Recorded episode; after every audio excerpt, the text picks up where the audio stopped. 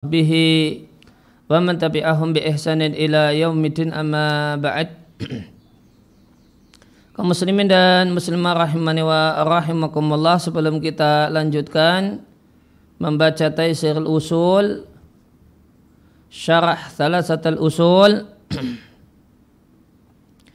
Maka ada satu keterangan tambahan yang ingin kami sampaikan berkenaan dengan halaman 76 tentang definisi khawfus sirri. Kemarin kita telah baca perkataan pensarah bahasanya definisi khawfus sirri adalah takut kepada selain Allah boleh jadi berhala, setan dan yang lainnya takut kalau dia menimpakan kepadanya sesuatu yang tidak dia tidak disukai. Ya, penjelasan lebih detail tentang pengertian khawfus siri bisa kita baca di Sarah salah satu usul karya Sesala al Syekh Hafizallahu Ta'ala.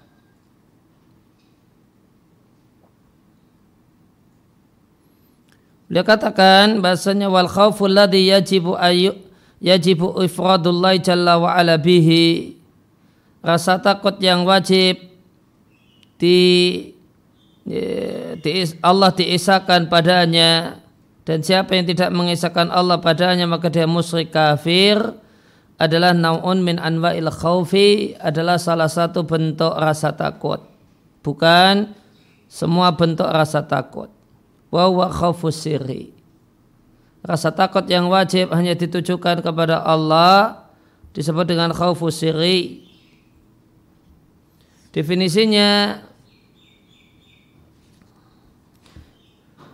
bahwa ayat khafa ghairallahi jalla wa ala fima la yaqdiru alaihi illallahu jalla wa ala.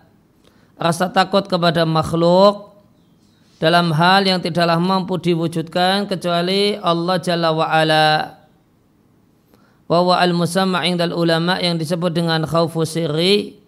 Kemudian beliau kembali definisikan bahwa ayat khafa ayusibahu hadal makhufu minhu ayusibahu dhalikal makhufu bi syai'in fi nafsihi ay fi nafsi dhalikal khaifi kama yusibullahu jalla wa ala bi anwa'il masaibi min ghairi asbabin dhahiratin wala syai'in yumkinul ihtirazu minhu. Nah, maka ini definisi yang gamblang tentang khawfus sirri yaitu merasa takut dan khawatir yang ditakuti itu akan menimpakan yang ditakuti itu akan menimpakan pada diri orang yang takut sebagaimana Allah Subhanahu wa taala menimpakan berbagai macam musibah. Bagaimana itu musibah? Ya, gimana itu karakter musibah yang Allah timpakan? Min ghairi asbabin zahiratin tanpa ada sebab yang jelas wala syai'in yumkinul ihtirazu minhu dan tanpa ada sesuatu yang mungkin untuk bisa menjaga diri darinya. Pasti tidak boleh tidak pasti kena. Maka karakter musibah yang Allah timpakan tidak ada makhluk yang bisa menghindarinya. Jika Allah takdirkan untuk dapat musibah dan musibah tersebut boleh jadi Allah wujudkan tanpa sebab yang jelas. Tiba-tiba sakit tiba-tiba mati. Sebabnya apa? Tidak tahu. Tidur kemudian mati gitu. Tanpa sebab yang jelas.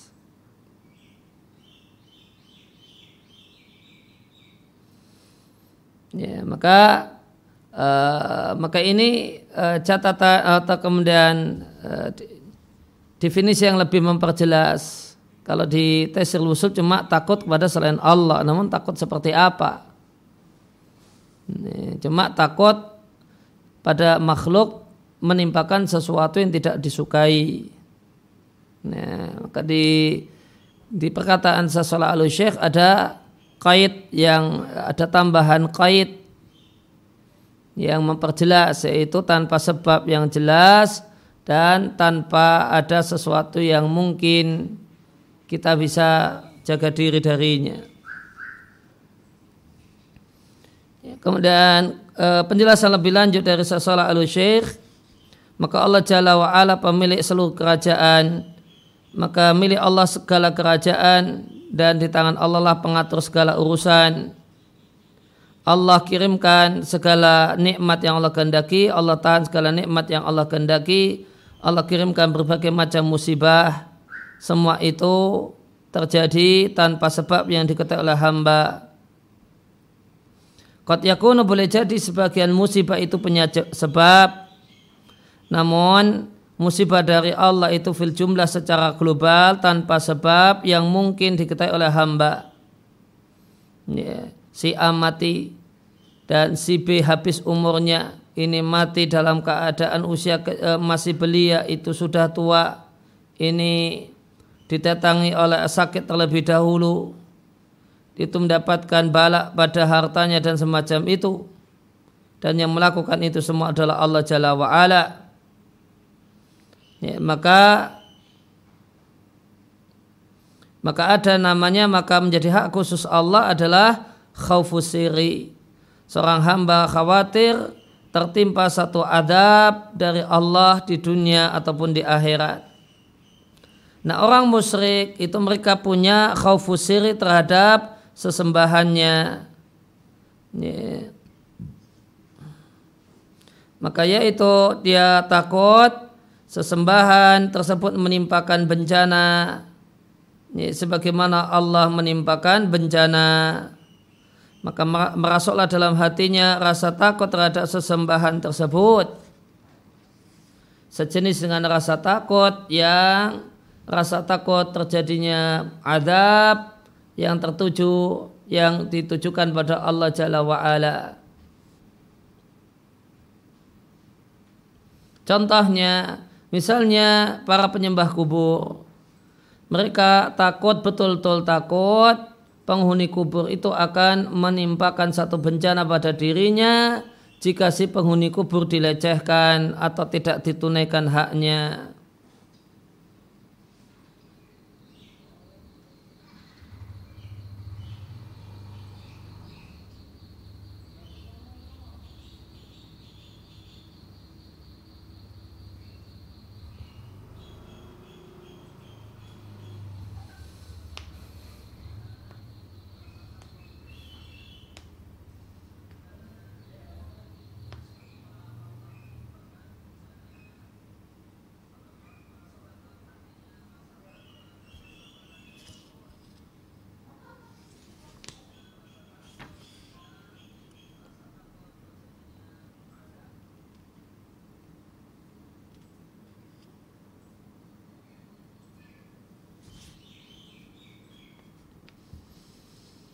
Nah itu uh, itu kurang lebih gambaran tentang khaufus siri yang jika ditujukan kepada selain Allah ya, menyebabkan pelakunya jatuh dalam syirik akbar.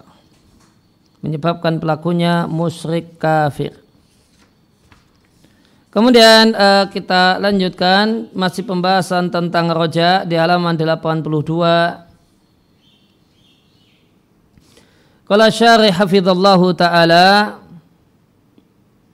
Waman roja ghairallahi siapa berapa pada selain Allah?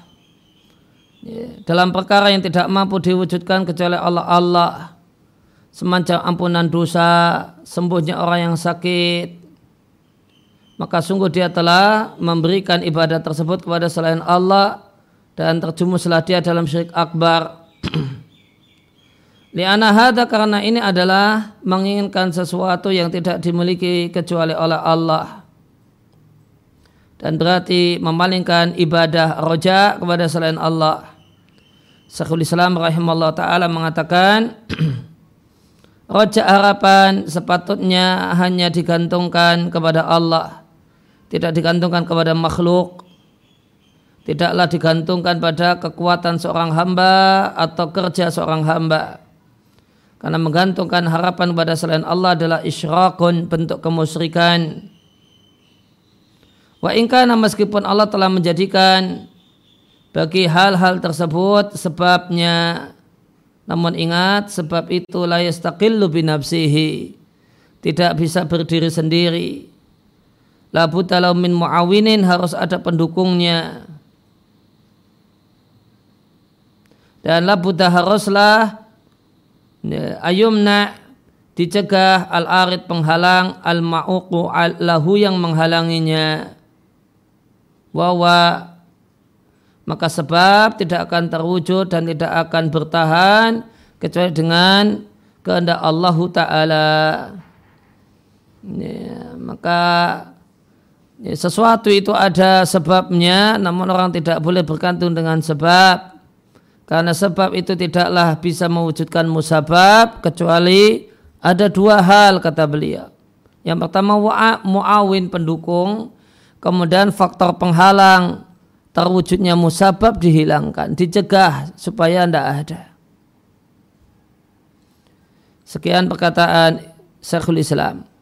Maka siapa yang berharap kepada makhluk atau menggantungkan hati kepada makhluk, maka insarafa qalbuhu, maka hatinya terpalingkan dari ibadah kepada Allah jadilah dia hamba kepada selain Allah biqadri maqama fi qalbihi min ta'alluqi. Berbanding lurus dengan ketergantungan yang ada dalam hatinya dan rojak yang ada dalam hatinya. Maka dia hina kepada selain Allah tunduk pada selain Allah. Syekhul Islam rahimahullah taala mengatakan ya, ma'alaqa alabdu roja'ahu. Tidaklah seorang hamba menggantungkan harapannya dan tawakalnya kepada selain Allah ila khoba ila khoba ya, kecuali dia akan kecewa dari arah tersebut. Orang-orang yang menyembahnya. Maka siapa yang menggantungkan harapannya dengan manusia, khudila maka dia tidak akan ditolong.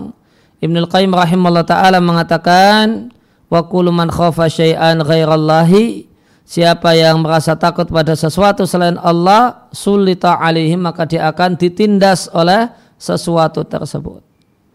Sebagaimana siapa yang mencintai bersama Allah selain Allah, dia akan tersiksa dengannya. Maka rasa cinta kepada makhluk, jika rasa cinta tersebut bukan karena Allah, bukan karena billahi walillahi karena Allah dan dengan sebab Allah maka itu adalah adab. Dan siapa yang berharap kepada bersama Allah pada selain Allah, khudila maka dia tidak akan ditolong dari or, oleh orang tersebut. Dan ini adalah sejumlah perkara yang pengalamannya cukup sebagai dalilnya. Sekian perkataan Ibnul Qayyim. Sekian perkataan ya Ibnul Qayyim di Miftah dari Sa'adah. Maka wajib atas seorang hamba untuk menggantungkan harapannya kepada Allah bukan kepada selain Allah. Fal khalqu maka makhluk itu memiliki kodrat. Kodrat makhluk adalah da'fi lemah. Ajizun makhluk itu tidak mampu untuk mendatangkan manfaat untuk dirinya dan mencegah bahaya daripada diri dari dirinya. Untuk dirinya saja tidak mampu, maka an ghairihim dari yang lain ajas tentu lebih tidak mampu.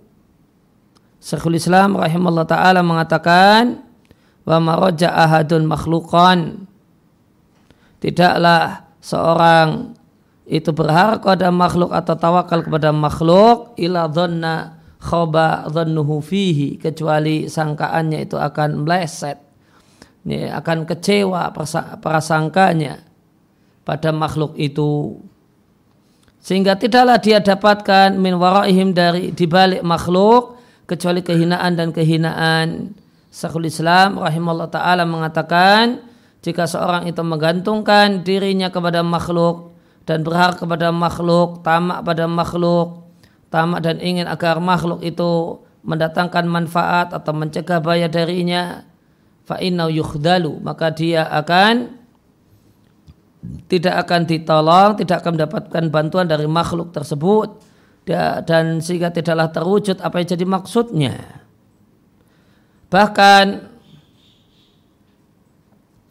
boleh jadi dia telah berkorban untuk makhluk tersebut sejumlah pelayanan dan harta dan yang lainnya. Yang dia berharap kalau mereka akan memberikan manfaat kepadanya saat dia membutuhkan. Namun ternyata mereka tidak memberikan manfaat kepadanya boleh jadi karena dia tidak mampu, dan boleh jadi karena hatinya telah berpaling darinya. Namun lain hanya jika seorang itu menunjukkan hatinya kepada Allah bisa dekil iftikari dengan penuh ketulusan kalau membutuhkan Allah istaghosa bihi minta kepada Allah agar diselamatkan dari kesusahan mukhlisallahu dina dengan memurnikan ibadah hanya untuk Allah, maka niscaya Allah akan kabulkan doanya, Allah akan hilangkan bahayanya, Allah akan bukakan untuknya pintu-pintu kasih sayangnya. Oleh karena itu janganlah engkau gantungkan harapanmu, angan-anganmu pada selain Allah. Maka anda tidak akan mendapatkan jika anda melakukannya selain al-adam ketiadaan. Selain dilul masalah, hinanya ngemis dan merengek-rengek watafrid dan ceroboh dalam ibadah yang mulia maka berharaplah kemurahan Allah pemberian Allah dan banyaknya munahu harapan Allah mintalah kepada Allah hilang uh, hilangnya al-hajat ya, terpenuhinya hajat wal mulimat dan bencana yang meliputi. Fadalika maka itu adalah lebih tinggi bagi derajat, lebih mulia bagi jiwa.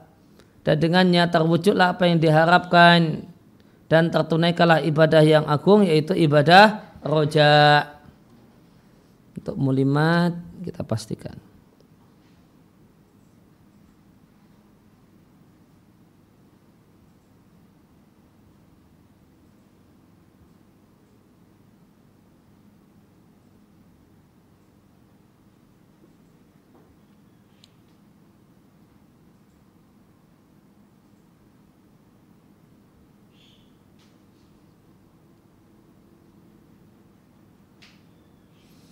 Nazilah syadidah min syadaidid dahar al-musibah al-azimah musibah besar.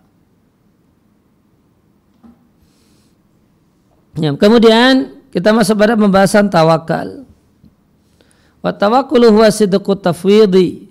Definisi tawakal adalah ketulusan dalam pasrah. Wal iktimad dan bersandar kepada Allah dalam segala urusan. Perintahkan tawakal dalam sejumlah ayat dalam Al-Quran A'dam lebih agung karena inti agama itu ada dua isti'anah dan ibadah. Tawakal sama dengan isti'anah minta tolong. Inabah sama dengan kesungguhan untuk beribadah. Wa manzilatuhu maka kedudukan kedudukannya kedudukan tawakal adalah kedudukan yang paling luas dan paling lengkap. Kemudian kedudukan tawakal itu sebelum inabah, sebelum ibadah. Ibnu Qayyim mengatakan kedudukan tawakal itu sebelum kedudukan inabah. Karena tawakal itu ya tawakal ala husuliha, tawakal untuk mendapatkan ibadah. Maka tawakal adalah sarana kembali kepada Allah dengan ibadah adalah tujuan dan sarana dulu baru tujuan. Dan Allah telah jadikan tawakal sebagai sebab untuk mendapatkan rasa cintanya Allah. Innallah yuhibbul mutawakkilin. Allah mencintai orang-orang yang bertawakal. Dan tawakal adalah dalil sahnya keislaman orang yang bertawakal. Sebagaimana firman Allah Subhanahu dan Musa mengatakan wahai kaumku jika kalian betul-betul beriman pada Allah maka hanya kepadanya kalian bertawakal in kuntum muslimin jika kalian adalah betul-betul muslim. Wa hakikatu hakikat tawakal adalah ketergantungan hati kepada Allah dengan mengambil usaha namun tidak bersandar pada usaha. Ibnu Qayyim rahimahullah taala mengatakan inti tawakal dan hakikat tawakal adalah bersandarnya hati pada Allah semata fala yaduruhu maka tidaklah membahayakan tawakal melakukan usaha asalkan hati kosong dari bersandar pada usaha warukun ilaiha dan bersandar pada ya, pada usaha sebagaimana tidak manfaat bagi seseorang yang mengatakan saya tawakal pada Allah Padahal realitanya dia bersandar pada selain Allah, condong pada selain Allah, yakinnya dengan selain Allah. Maka tawakal lisan itu sesuatu dan tawakal hati sesuatu yang lain. Maka beliau bagi tawakal itu menjadi dua macam, tawakal lisan dan tawakal hati. Nah tawakal lisan, gembar-gembar saya tawakal, namun hatinya tidak tawakal, maka statusnya tidak tawakal.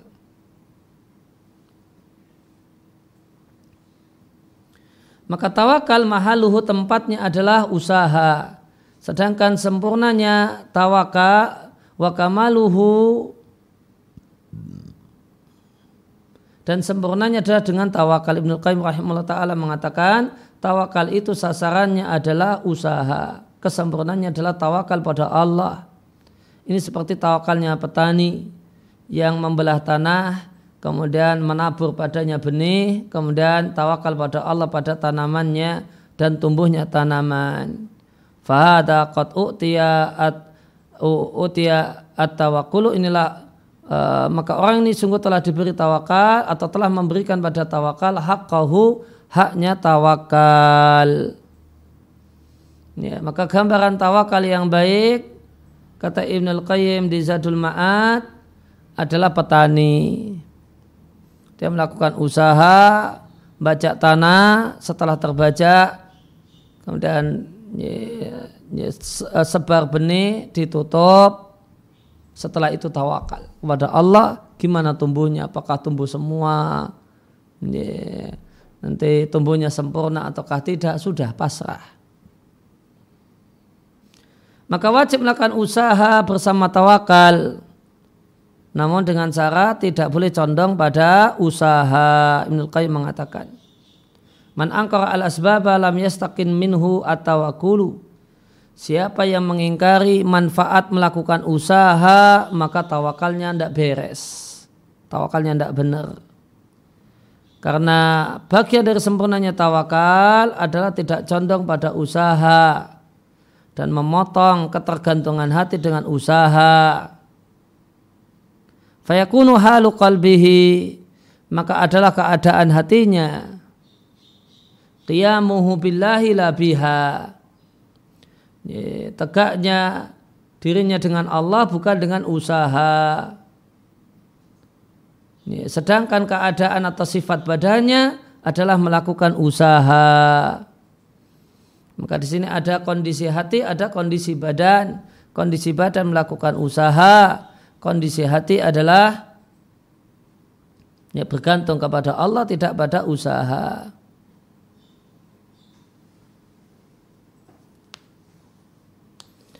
Kemudian tawakal dari sisi jenisnya terbagi menjadi dua macam tawakal terpaksa. Wahadala takhallafu anhu ya, atau orang uh, uh, tawakal ittirarin. Ya, ya, tawakal dalam kondisi terdesak. Ya, itirar terdesak saja, jangan terpaksa, namun terdesak.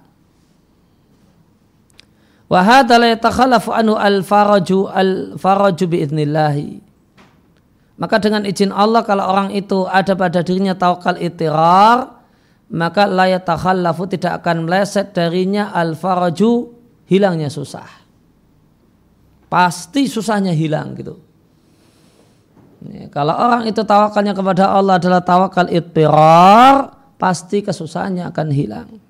Kemudian yang kedua, tawakal ikhtiar tawakal padahal ada pilihan lain. Ibnu Qayyim mengatakan, tawakal itu terkadang adalah tawakal itirar, tawakal terpaksa. Wa ilja, tidak ada pilihan yang lain. Kapan itu? Ketika seorang itu dalam kondisi la yajidu abdu malja'an. Seorang hamba tidak mendapatkan tempat berlindung, tidak mendapatkan wazar, tempat berlindung kecuali tawakal.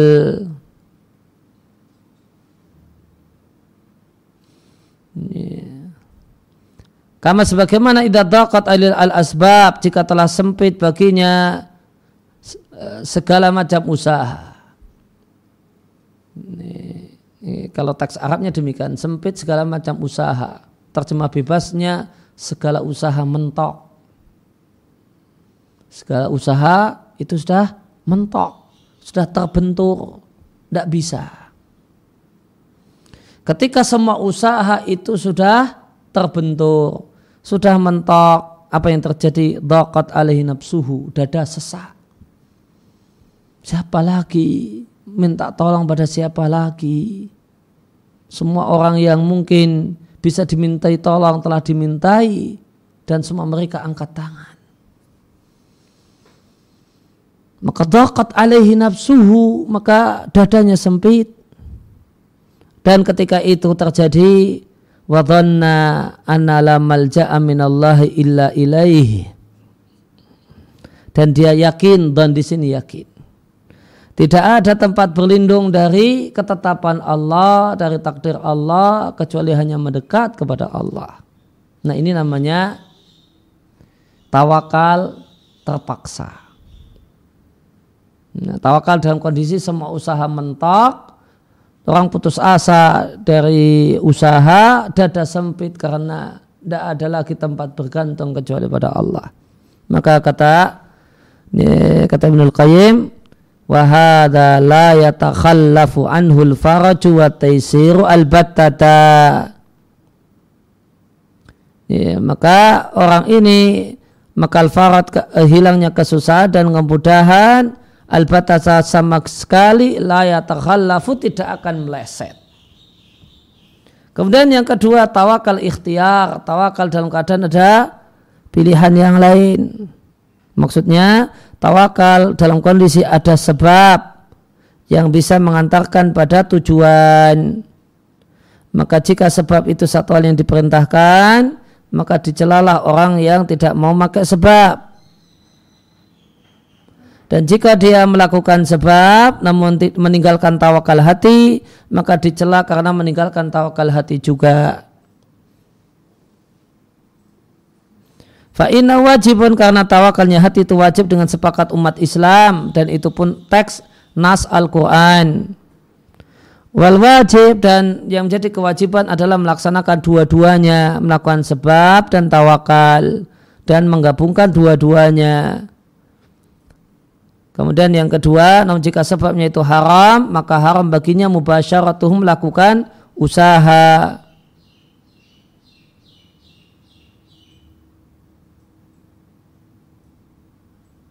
Watawahada as-sababu dan menyatulah sebab fi untuk orang ini yang dia menemukan usaha namun usaha yang haram.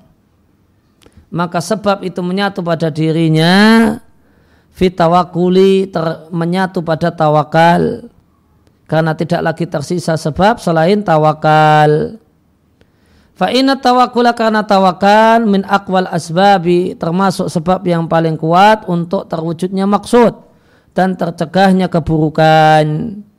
Bal huwa bahkan tawakal adalah sebab yang paling kuat alat itlak tanpa rincian.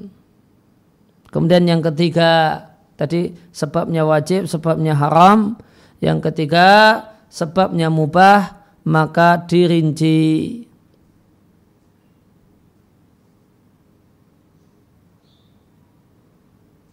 Hal yatufu qiyamuhu bihi at-tawakkulu atau hal yut'ifu qiyamuhu bihi at-tawakkula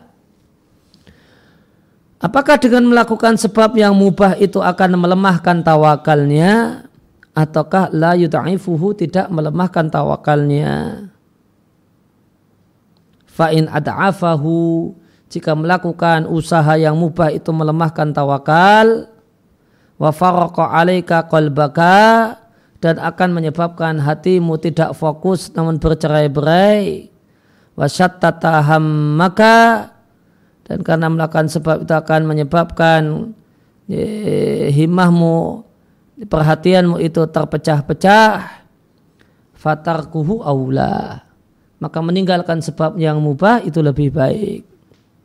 Namun jika melakukan sebab yang mubah tidak melemahkan tawakal, famubasyaratuhu maka melakukan sebab yang mubah itu aula yang lebih baik. Liana hikmah ahkamil hakimin karena hikmah zat yang maha adil yaitu Allah iktadat mengharuskan mengkaitkan musabab dengan sebab. Maka tidak boleh dinihilkan hikmah Allah Subhanahu wa taala. Ya, maka hubungan antara tawakal dengan sebab beliau bagi Ya, dalam kondisi uh, tentu ada sebab berarti tawakalnya tawakal ikhtiari. Karena ada sebab maka boleh jadi sebabnya adalah sebab yang wajib dan ada sebab yang haram. Maka beliau katakan kalau sebab itu sebab yang haram ya, maka sebab itu menyatu dengan tawakal dalam tawakal. Dan tawakal itulah sebabnya. Ya, tawakal itulah sebabnya karena dia menyatu. Kemudian jika sebab itu mubah, maka dirinci dengan melakukan sebab melemahkan tawakal ataukah tidak. Kemudian tadi kita jumpai kosakata wazar. Ini ada catatan kaki satu. Wazar artinya al-malja tempat berlindung. Wazar mana aslinya adalah gunung yang melindungi. Dan semua makil itu wazar.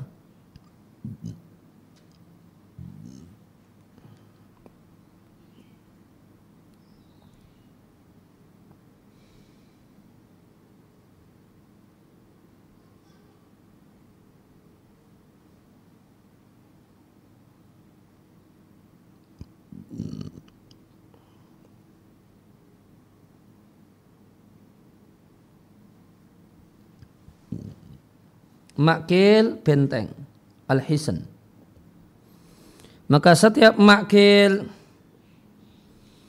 ya, setiap benteng itu disebut wazar. Kalala wazar tidak ada benteng. Dan semua perkara yang engkau berlindung padanya dan membentengi diri dengannya dia wazar. Maka wazar adalah beban yang berat. Oleh karena itu dosa disebut wizrun. Ya, maka dosa itu disebut wizrun lithaqalihi karena beratnya. Tidak kuat. Orang memikul beban berat dosa. Ya kemudian kembali ke atas. Tawakal juga terbagi menjadi dua macam. Tawakal dalam masalah dunia dan tawakal dalam masalah agama. Ibnu Qayyim rahimahullah taala mengatakan at-tawakkulu 'ala Allahi nau'ani Tawakal kepada Allah itu ada dua macam. Yang pertama tawakal pada Allah untuk mendatangkan hajat hamba dan kepentingan duniawi seorang hamba atau mencegah makruhat, keburukan dan musibah duniawi. Kemudian tawakal kepada Allah untuk terwujudnya apa yang dia cintai dan dia ridhai ya, tawakal untuk terwujudnya apa yang disukai dan diridhoi oleh uh, oleh Allah yaitu iman, yakin, jihad dan mendakwahkannya. Wa baina ini dan di antara dua jenis tawakal ini minal fali terdapat keutamaan yang tidak ada yang bisa menghitungnya kecuali Allah. Maka siapa yang tawakal kepada maka jika hamba Famata maka jika tawakalai al-abdu hamba tawakal pada Allah untuk jenis yang kedua dengan betul-betul tawakal yaitu tawakal dalam masalah agama maka Allah akan cukupi ya, jenis yang pertama tamamal kifayati betul-betul dicukupi. Dan jika tawakal alaihi fina'il al-awal jika seorang hamba tawakal pada Allah ada jenis yang pertama itu masalah dunia tanpa yang kedua maka Allah akan juga mencukupi mencukupinya. Namun orang tersebut layakunulahu tidak mendapatkan dampak baik orang yang bertawakal. Ya, dalam perkara yang kedua ya dalam perkara yang Allah cintai dan Allah ridai maka tawakal yang paling agung maka tawakal pada Allah yang paling agung adalah tawakal untuk mendapatkan hidayah murninya tauhid dan dalam mengikuti sang Rasul Shallallahu Alaihi Wasallam dan dalam jihad memerangi para pendukung kebatilan. Inilah tawakalnya para Rasul alaihi wassalatu dan inilah tawakal para pengikut Rasul yang spesial. Dan jika kuat tauhid seorang hamba akan kuatlah tawakalnya. Ibnu Qayyim rahimahullah taala mengatakan la yastaqimu tawakulul abdi maka tidak akan bagus tawakal seorang hamba sampai sah tauhidnya. Bahkan hakikat tawakal adalah me menyatukan hati, mentauhidkan hati, famadamat fihi, maka selama ada pada hati ala ikus syirki, e, gantungan gantungan kemusyrikan, ada bergantung ya, kepada selain Allah yang merupakan kebergantungan hati yang merupakan kemusyrikan maka tawakalnya itu cacat madkhulun dan dimasuki hal yang merusaknya. Wa ala qadar sesuai dengan qadar sesuai dengan kadar pemurnian tauhid keabsahan tawakal. Fa innal abda karena seorang hamba mata iltafata jika menoleh kepada selain Allah akhadha dzalika iltifatu maka tolehan tersebut akan menyita salah satu cabang hatinya. Fanaqasa min tawakulihi maka berkuranglah tawakalnya kepada Allah berbanding lurus dengan hilangnya cabang atau bagian hati tadi.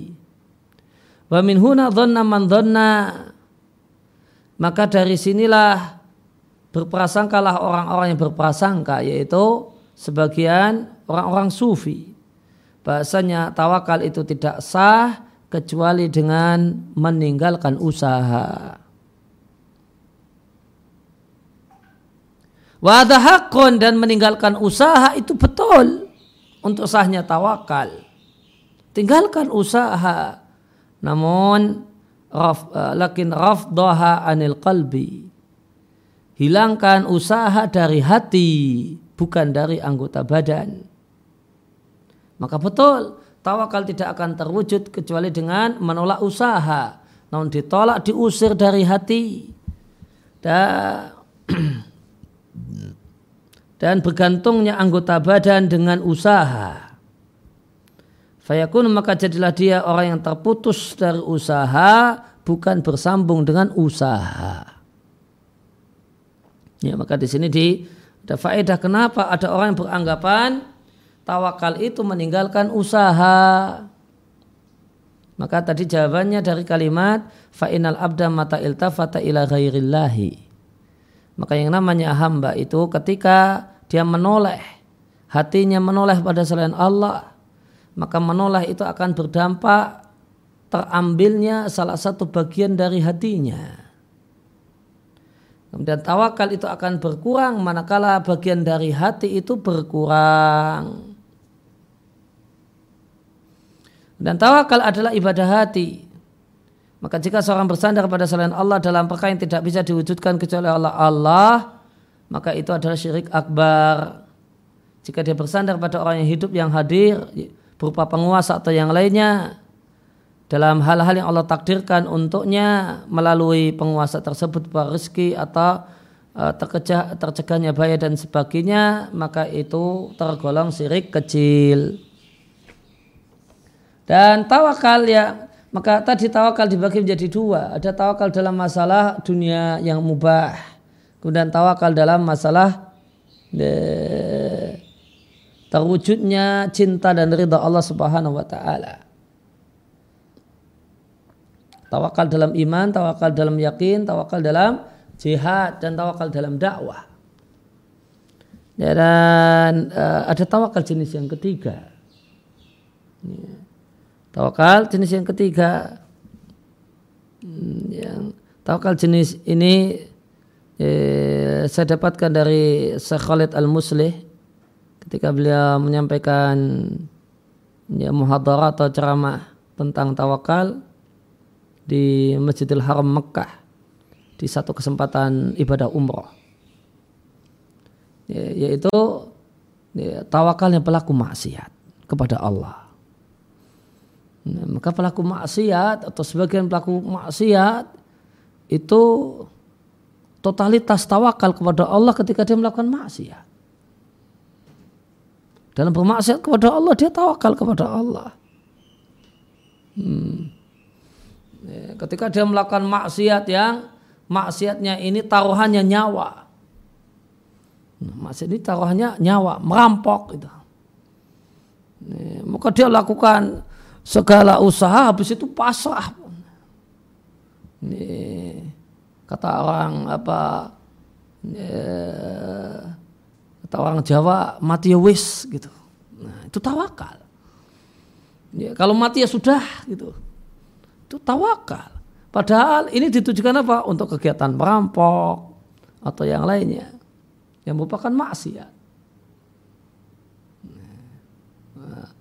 Maka al, al, sebagian ahli maksiat itu melakukan maksiat tawakalnya kepada ya, kepada Allah Subhanahu wa taala. Dia mau ngerampok, dia mau mencuri. Nah, nanti ini ketahuan sama yang punya rumah, nanti kemudian harus mau dengan harus kemudian adu fisik dengan tuan dengan pemilik rumah dan seterusnya pokoknya sudah dipasrahkan. Nah, kembali ke matan. Kalau musannif rahimallahu taala wa dalil tawakkuli dan dalil tawakal adalah firman Allah taala wa 'alallahi dan hanya kepada Allah fatawakkalu hendaklah kalian tawakal in kuntum mu'minin jika kalian betul-betul beriman dan firman Allah taala wa may yatawakkal 'ala Allah siapa yang tawakal pada Allah maka Allah akan cukupi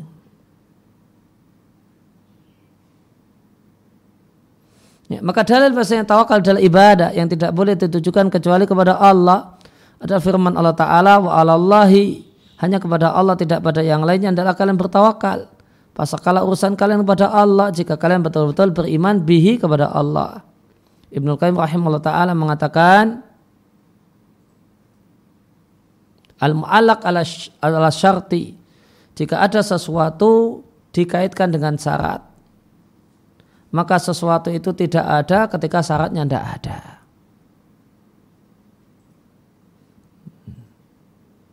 Maka ini menunjukkan tidak ada iman ketika tidak ada tawakal. Maka siapa yang tidak ada tawakal tidak ada iman baginya. Allah Ta'ala berfirman wa alallahi fatawakalu hanya kepada Allah tidaklah kalian bertawakal jika kalian betul-betul beriman. Dan Allah Ta'ala berfirman wa alallahi fatawakalil mu'minun hanya kepada Allah hendaknya orang-orang beriman bertawakal. Allah Ta'ala berfirman, innamal mu'minun. Orang-orang yang beriman hanyalah orang-orang yang jika disebut Allah, takutlah hatinya. Ini, kemarin telah kita bahas wajal, takut dalam bentuk wajal, itu ada takut karena sebab takut itu sudah hadir. Ya, sebab takutnya adalah nama Allah. Di antara nama Allah adalah ittaqillaha. Diingatkan oleh orang, takwa engkau pada Allah. Takwa engkau pada Allah, maka langsung gentar hatinya. Kemudian jika dibacakan padanya ayat-ayat Allah, bertambahlah keimanannya dan hanya kepada Allah ya Rabbnya mereka bertawakal. Maka ini menunjukkan bahasanya orang-orang yang beriman itu terbatas fimangkana pada orang-orang yang memiliki sifat ini. Faman ya'tamidu 'ala Allahi maka siapa yang mengandalkan Allah dalam semua urusannya maka Allah akan mencukupinya. Sebagaimana firman Allah Ta'ala wa may yatawakkal 'ala Allahi siapa yang tawakal pada Allah bersandar pada Allah dalam urusan agamanya dan dunianya fa hasbuhu maka Allah akan mencukupinya wa kafih dan mencukupinya.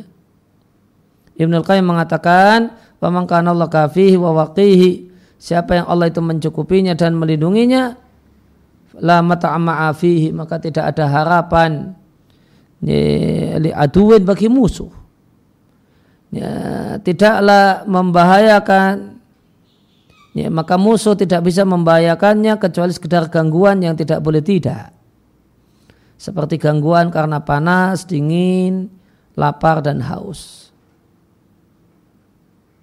Wa amma ayaduruhu bima yablughu bihi muraduhu. Adapun musuh itu membahayakannya yang dengan tersebut dengan hal tersebut musuh ini bisa mewujudkan maksudnya falayakunu abada maka sama sekali tidak akan terjadi pada orang yang bertawakal. Fafarkun bedakan antara gangguan yang secara lahiriah itu mengganggu dan pada hakikatnya adalah kebaikan. Wa idrarun binafsihi dan membahayakan diri sendiri Wabenador dan bahaya yang seorang musuh itu puas karenanya, terpuaskan dengannya. Dan siapa yang Allah lah yang mencukupinya, maka akan mudahlah segala urusannya. Dan tidak ada seorang pun yang punya tamak ambisi untuk kepadanya. Syekhul Islam rahimahullah ta'ala mengatakan, minta tolong kepada Allah, tawakal pada Allah, mengadu pada Allah, berdoa kepada Allah, hiyallati taqwa al uh, hiyallati tuqawi al abda. Itulah yang menguatkan seorang hamba dan memudahkan segala urusannya. Ada ulama salaf yang mengatakan barang siapa yang suka menjadi orang yang paling kuat adalah dia tawakal pada Allah.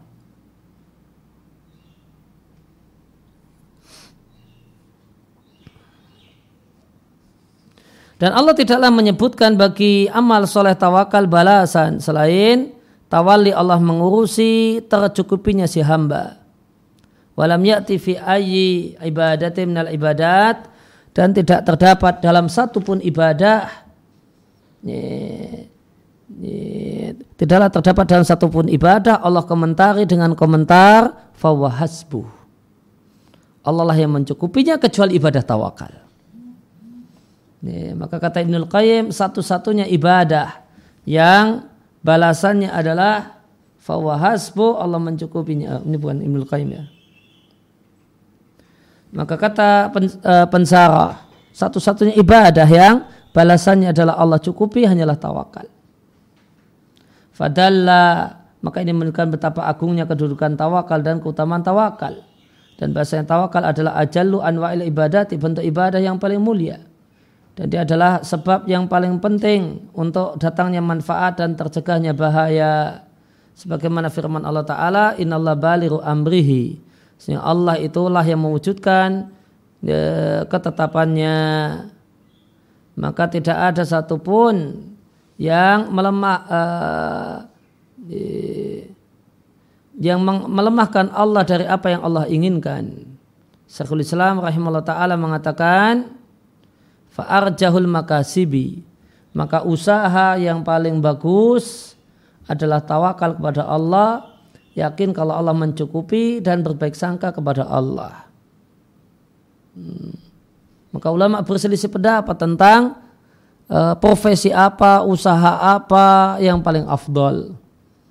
Maka menarik Syekhul Islam Ibn Taimiyah rahimahullah taala mengatakan arjahul makasibi profesi dan uh, uh, usaha yang terbaik ya, usaha untuk menghasilkan untuk mendapatkan penghasilan yang terbaik adalah tawakal pada Allah. Wadhalika hal tersebut anak yang bari lihumuhtami. Ya, sepatutnya bagi orang yang perhatian dalam masalah rezeki untuk mengadu kepada Allah urusan rezekinya dan berdoa kepada Allah. Sekian perkataan beliau di dari macam ufatawa.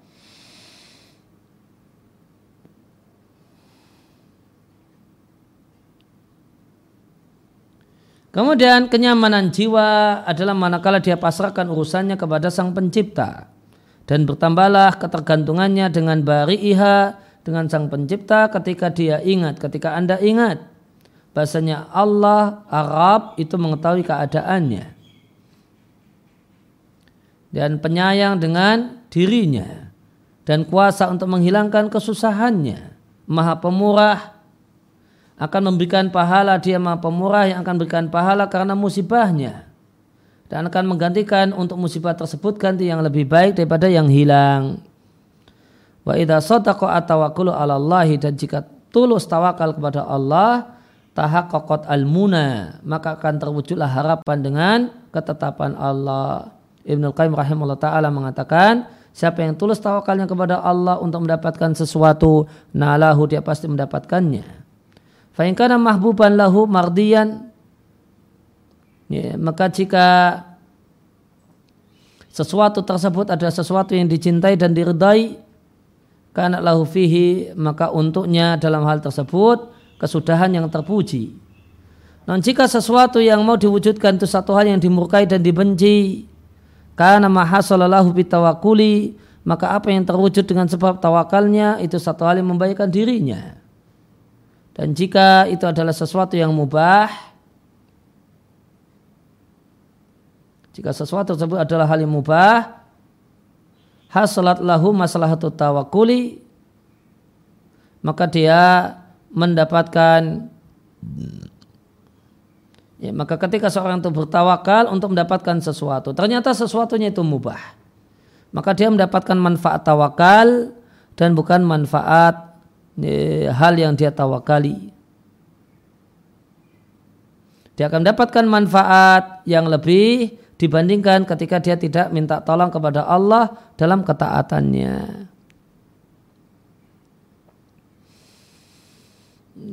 Kemudian Pesarah mengatakan, maka gantungkanlah hatimu kepada Allah ketika menginginkan keselamatan dari bahaya, selamat dari berbagai macam fitan, gangguan.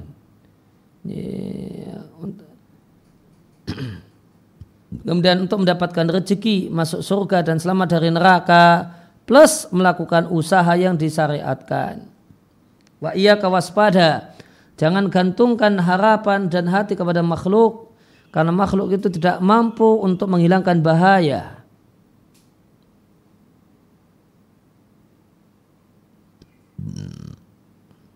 dan kutur fil ata kutur itu pelit sepertinya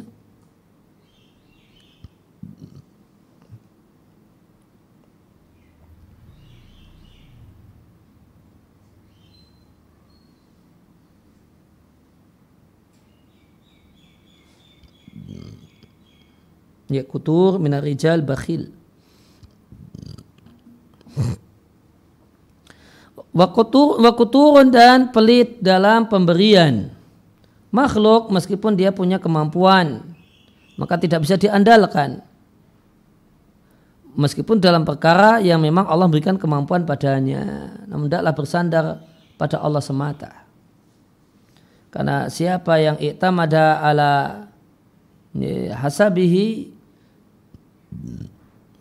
karena siapa yang bersandar pada perhitungannya maka dia hina. Dan siapa yang mengandalkan akalnya dia akan sesat. Maka banyak orang yang pintar namun sesat. Siapa yang mengandalkan hartanya dia akan kurang. Dan siapa yang bersandar kepada manusia maka dia akan bosan. Maka bersandarlah kepada Allah semata. Maka sungguh dia Allah akan mencukupi anda semua urusan anda.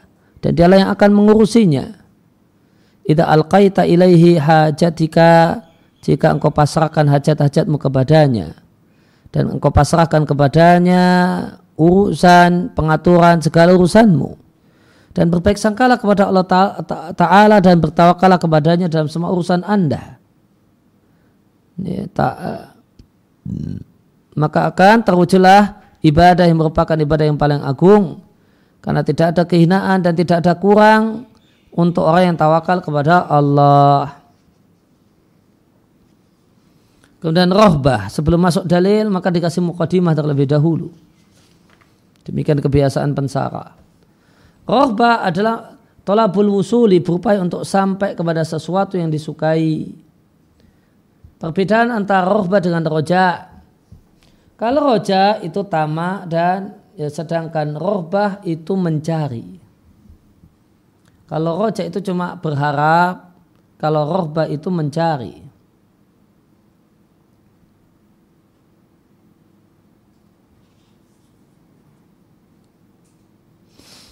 Nah, faman toma'a siapa yang punya keinginan masuk surga misalnya, nah keinginan itu namanya roja.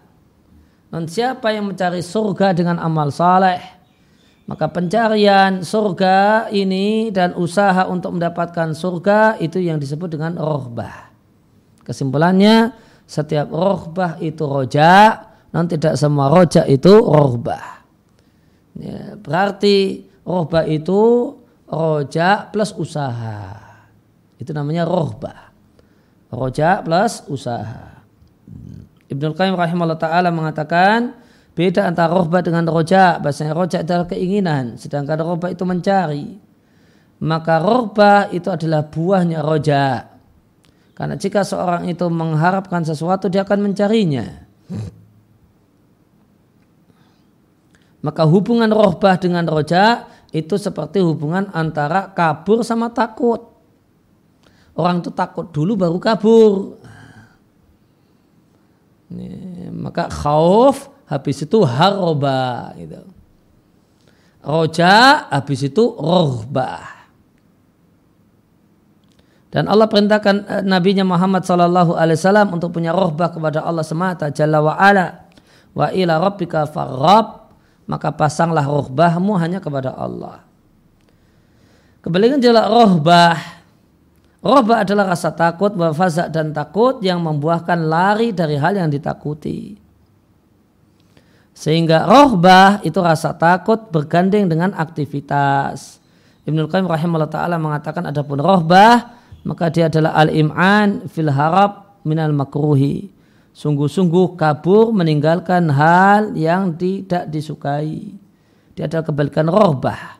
Rohbah itu adalah perginya hati untuk mencari hal yang diinginkan dan disukai.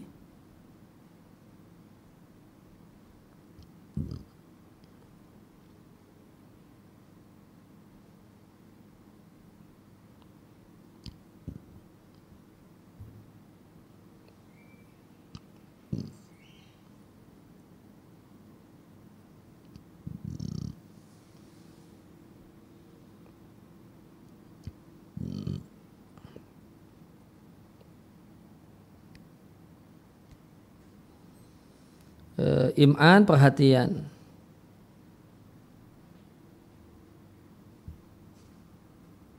Al-iman perhatian fil harap untuk kabur lari dari hal yang tidak disukai. Namun rohbah dan rohbah harapan plus rasa takut plus semuanya tidak akan terwujud kecuali di atas bertopang pada betis kesabaran. Semuanya perlu sabar, modalnya sabar. Maka rohbah kabur dari hal yang dikhawatirkan mendorong untuk bersabar. Rohbah keinginan untuk upaya untuk melakukan usaha, e, mendapatkan sesuatu mendorong pada syukur. Dan dua ibadah rohbah dan rohbah ini tanhasirani akan surut dari seorang hamba sesuai dengan kadar dosanya dan bertambah sesuai dengan kadar imannya. Dan seorang hamba itu akan mendapatkan taufik, kemudahan untuk taat dengan izin Allah berbanding lurus dengan ibadah tersebut. Ibnu Qayyim rahimahullah taala mengatakan jika Allah menginginkan kebaikan untuk hambanya maka Allah akan berikan taufik kepadanya untuk menyerahkan segala daya upaya dan menyerah, uh, mencurahkan segala jeripayah untuk rohbah dan rohbah. Fa innahuma karena dua hal ini rohbah dan rohbah adalah madata atau taufik sumber taufik berbanding lurus dengan seberapa tegak rohbah dan rohbah di satu hati maka akan terwujudlah taufik.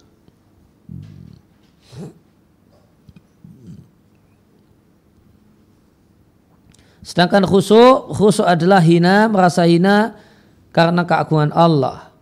Khusuk bisa ada di terletak di hati dan di anggota badan. Dan khusuk itu dekat dengan khudu' Cuma kalau khudu itu bedanya letaknya di badan. Nah ini ada faedah beda khusuk dengan khudu. Khusuk itu terletak di hati dan di badan. Itu khusuk itu fil qalbi al jawarih. Sedangkan kalau khudu itu murni di badan saja. Syekhul Islam rahimahullah ta'ala mengatakan khusuk adalah ketundukan kepada Allah, ketenangan dan ketenangan kepada Allah dengan hati dan anggota badan. Ibnu Qayyim rahimahullah taala mengatakan khusus itu tempatnya hati, buahnya pada anggota badan, waya waya tulhiruhu. Dan anggota badan itulah yang menampakkan kekhusuan. Dan jika hati itu makin khusuk kepada Allah, maka akan semakin sempurna penghambaan. Ibnu Qayyim rahimahullah taala mengatakan, manusia yang paling sempurna menghambakan diri adalah yang paling sempurna menghinakan diri kepada Allah, patuh dan taat kepada Allah. Dan di antara karunia Allah pada hambanya, barang siapa yang punya rohbah dan minat fima indallahi dalam pahala di sisi Allah, maka dia akan diberi pahala.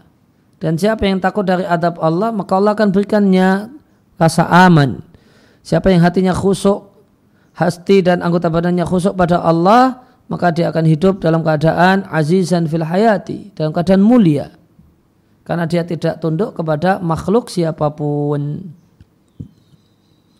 Dalil bahasanya rohbah menginginkan apa yang di sisi Allah dan takut dengan adab Allah serta khusyuk ditambah tunduk kepada Allah semata adalah di antara bagian-bagian ibadah adalah apa yang Allah Ta'ala sebutkan tentang para nabi dan orang saleh dalam teks sanjungan pada mereka. Innahum kanu yusari'un. Mereka adalah orang-orang yang bersegera. Yaitu mereka yusabikuna berlomba dulu-duluan fil khairat dalam kebaikan yaitu dalam ketaatan dan melakukan amal-amal ibadah. Wa yad'unana ay wahadana dan mengisahkan kami dan meminta kepada kami hal-hal yang diinginkan. Rohoban karena mengharapkan pahala di sisi kami, warohaban dan takut mina kepada kami dan hukuman yang ada di sisi kami. Wa kanulana khashi'in dan mereka itu adalah orang-orang yang khusuk kepada kami yaitu tunduk menghinakan diri merendah kepada kami. Wadhalika dan hal tersebut adalah karena sempurnanya pengetahuannya terhadap Rabbnya. Maka ayat ini menunjukkan bahasanya tiga hal ini rohbah dengan pahala yang ada di sisi Allah, rohbah dari adab Allah, khusyuk karena Allah adalah ibadah. Bahkan min ajalli anwa'il ibadati bentuk ibadah yang paling mulia. Maka siapa yang membelokkan sebagian darinya kepada selain Allah maka dia musyrik.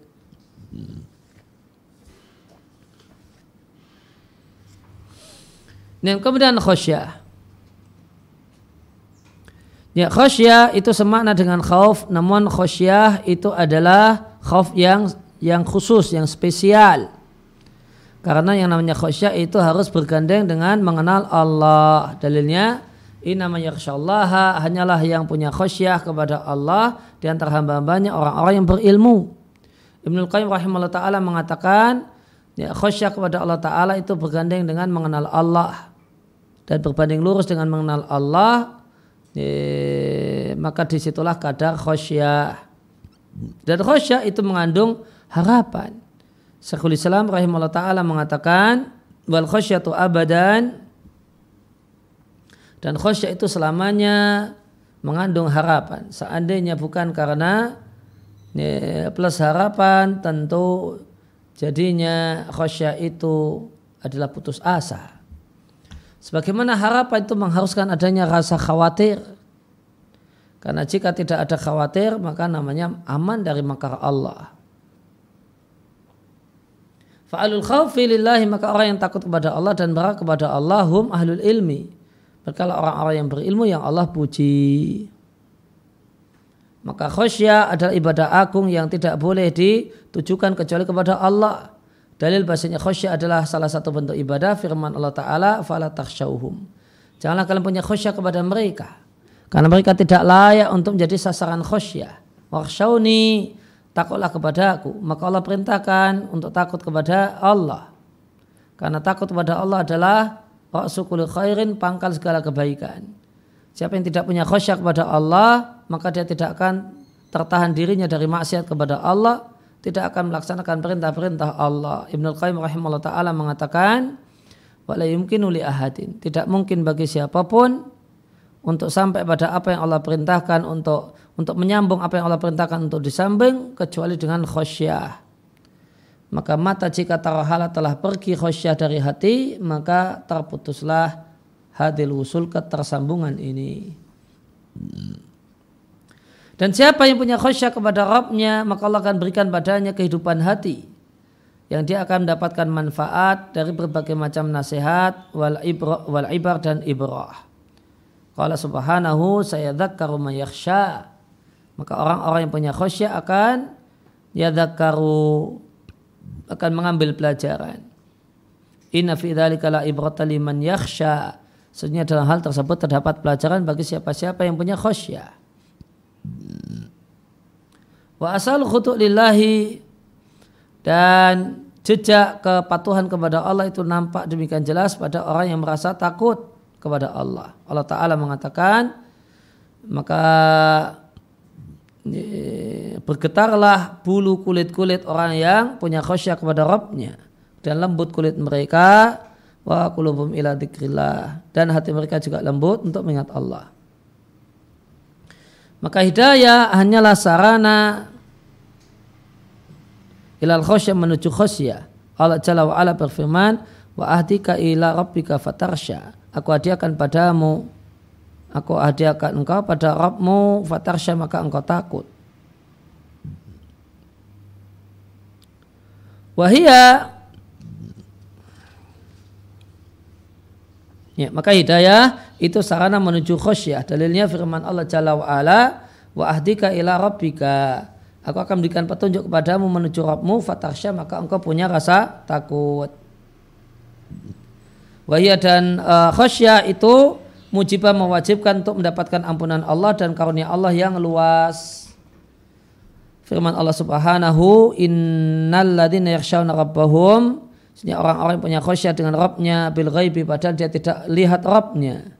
Maka untuk mereka ampunan dan pahala yang besar. Ya, dan khasyah itu faktor penyebab masuk surga penuh kenikmatan sebagaimana firman Allah Azza wa Jalla balasan untuk mereka di sisi Rabb mereka ada jannatu adnin surga yang kekal mengalir di bawahnya sejumlah sungai yaitu empat sungai. Mereka ya, kekal di dalamnya selamanya. Allah ridha pada mereka dan mereka pun ridha pada Allah dan itu bagi siapa saja yang punya khosyah kepada Allah. Maka manusia yang paling besar khosyahnya kepada Allah adalah orang yang paling mengenal Allah. Dan ulama yang sesungguhnya adalah orang yang punya rasa takut kepada Allah sebagaimana firman Allah Subhanahu inna yakhsallaha hanyalah yang takut atau khasyah kepada Allah di antara hamba-hambanya al ulama'u ulama. Syekhul Islam rahimahullah taala mengatakan kullu man khasyallaha fahuwa alim. Semua orang yang punya rasa takut pada Allah dia adalah orang yang berilmu. Dan cukup bagi anda khasyah sebagai ilmu perkataan Ibnu Mas'ud Cukuplah dengan khosyah merasa takut pada Allah sebagai ilmu dan cukuplah dengan merasa tertipu dengan kemahamurahan Allah sebagai kebodohan.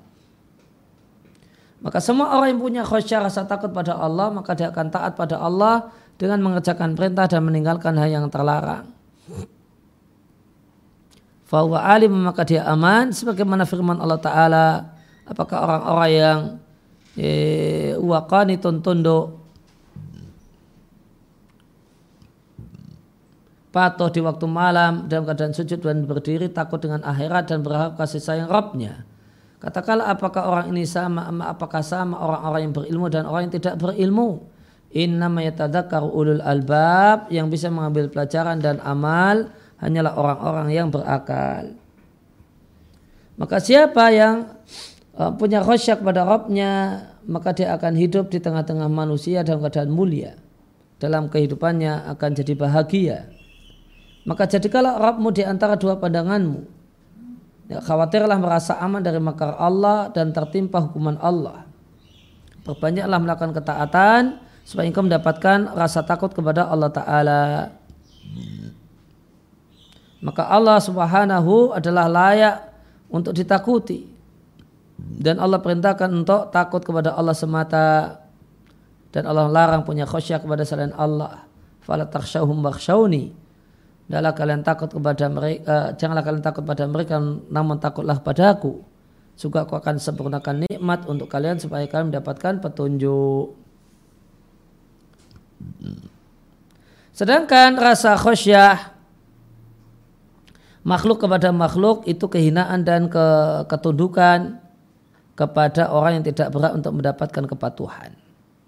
Maka janganlah punya khosyah kecil pada Rabbmu maka khusyuk adalah ibadah yang agung di antara ibadah yang paling mulia.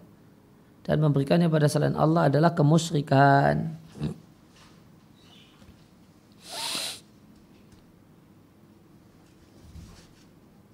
Nah, kemudian uh, tentang inabah.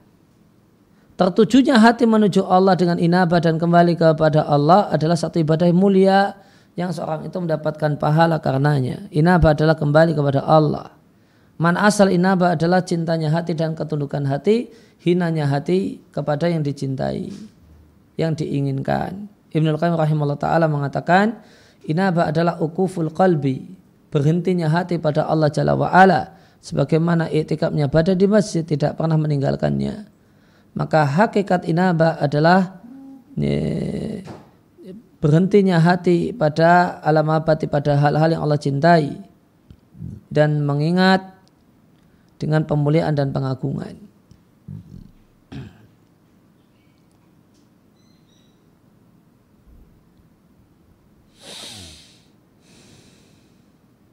Ya, maka hakikat dari inabah adalah iktikapnya hati untuk senantiasa mencintai Allah dan mengingat Allah dengan penghormatan dan pengagungan. Sedangkan iktikapnya anggota badan uh, ala taati bil ikhlas ya, anggota badan untuk iktikafnya anggota badan untuk taat itu dengan mengikhlaskan niat untuk Allah dan menuntun ya, dan mengikuti Rasulullah Rasulnya Shallallahu Alaihi Wasallam. Inabah itu sebenarnya adalah mengandung makna taubat akan tapi dia lebih tinggi daripada taubat karena taubat itu berhenti dari maksiat dan bertekad untuk tidak mengulangi dan menyesali apa yang telah lalu.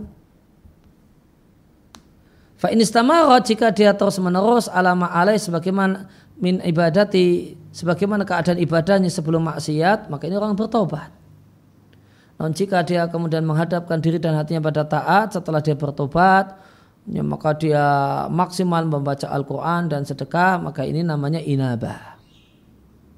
Maka siapa yang bertobat dari mencuri misalnya dan berhenti mencuri namanya tobat. Jika setelah itu dia disambung dengan akbala ala to'at, ya, peduli dengan ketaatan setelah dia bertobat, maka dia banyak beristighfar dan berzikir dan semacam itu, maka ini adalah orang yang munib. Maka ini apa itu menunjukkan taubat dan menunjukkan keperhatian ke, uh, kepada Allah dengan ibadah. Jadi apa beda tobat dan inabah? Kalau tobat ini melakukan maksiat, setelah itu insaf dan ibadahnya seperti kemarin. Tidak ada perubahan signifikan ini, dalam ibadahnya. Ini orang yang tobat. Kalau inabah itu ada perubahan drastis. Melakukan maksiat, kemudian tobat insaf, maka sebelumnya nggak pernah sholat jamaah ke masjid, jadi lima waktu ke masjid kemudian semangat sedekah setiap pergi ke masjid di jalan. Nah, ini namanya inabah. Keadaannya setelah bertobat itu jauh lebih baik.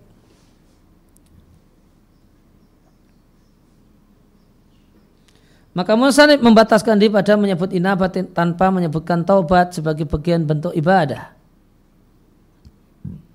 Karena bentuk ibadah dalam inabah itu lebih jelas daripada bentuknya dalam taubat karena disebabkan adanya tambahan uh, perhatian dengan ibadah. Dan karena nabah itu lebih luas daripada taubat. Maka al-munib orang yang kembali kepada Allah adalah orang yang bersegera menuju ridha Allah. Orang yang kembali kepada Allah dalam setiap waktu. Orang yang berlomba uh, untuk melakukan hal yang Allah cintai. Ibnu Qayyim mengatakan inabah para kekasih Allah adalah inabah terhadap uluhiyah Allah maka dia adalah inabah penghamba dan cinta. Dan inabah ini mengandung empat poin. Yang pertama rasa cinta, kemudian ketundukan dan kepatuhan, kemudian perhatian dan berpaling dari selainnya. Maka orang yang kembali kepada Allah adalah orang yang bersegera meraih ridha Allah, kembali kepada Allah setiap waktu. Orang yang melangkah menuju mahabi sesuatu yang Allah cintai. Karena kata-kata inaba itu mengandung unsur isra cepat, warujuk, kembali, wataqaddama dan telah terdahulu.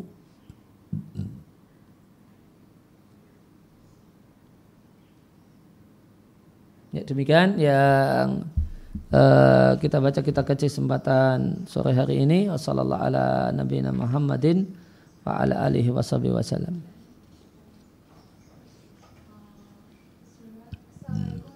Waalaikumsalam.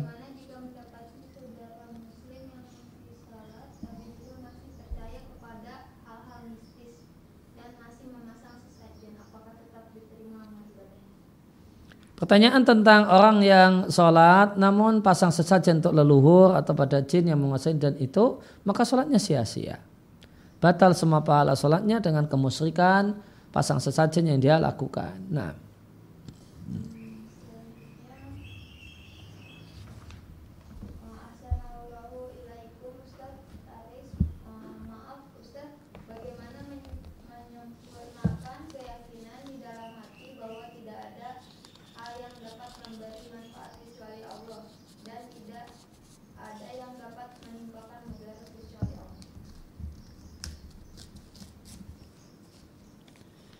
Ya, ada pertanyaan tentang kiat gimana supaya seorang itu yakin tidak ada yang menimpakan uh, bencana dan mendatangkan manfaat kecuali Allah.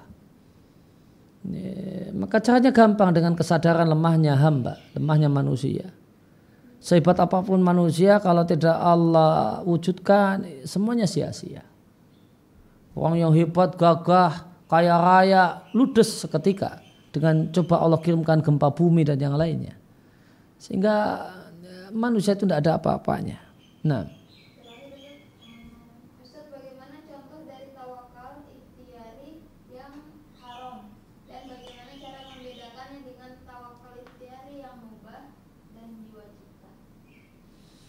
Ya, tawakal kalau masih uh, usaha belum mentok, kalau usaha sudah mentok tawakal itu disebut tawakal ittiraq. Kalau masih ada usaha, maka nanti namanya tawakal ikhtiar. Tawakal ikhtiar itu dilihat dari usahanya ada tiga macam. Ya, ada kemudian uh, usahanya wajib. Kalau orang itu pengen surga, ya wajib sholat. Ya, itu ya, wajib untuk sholat.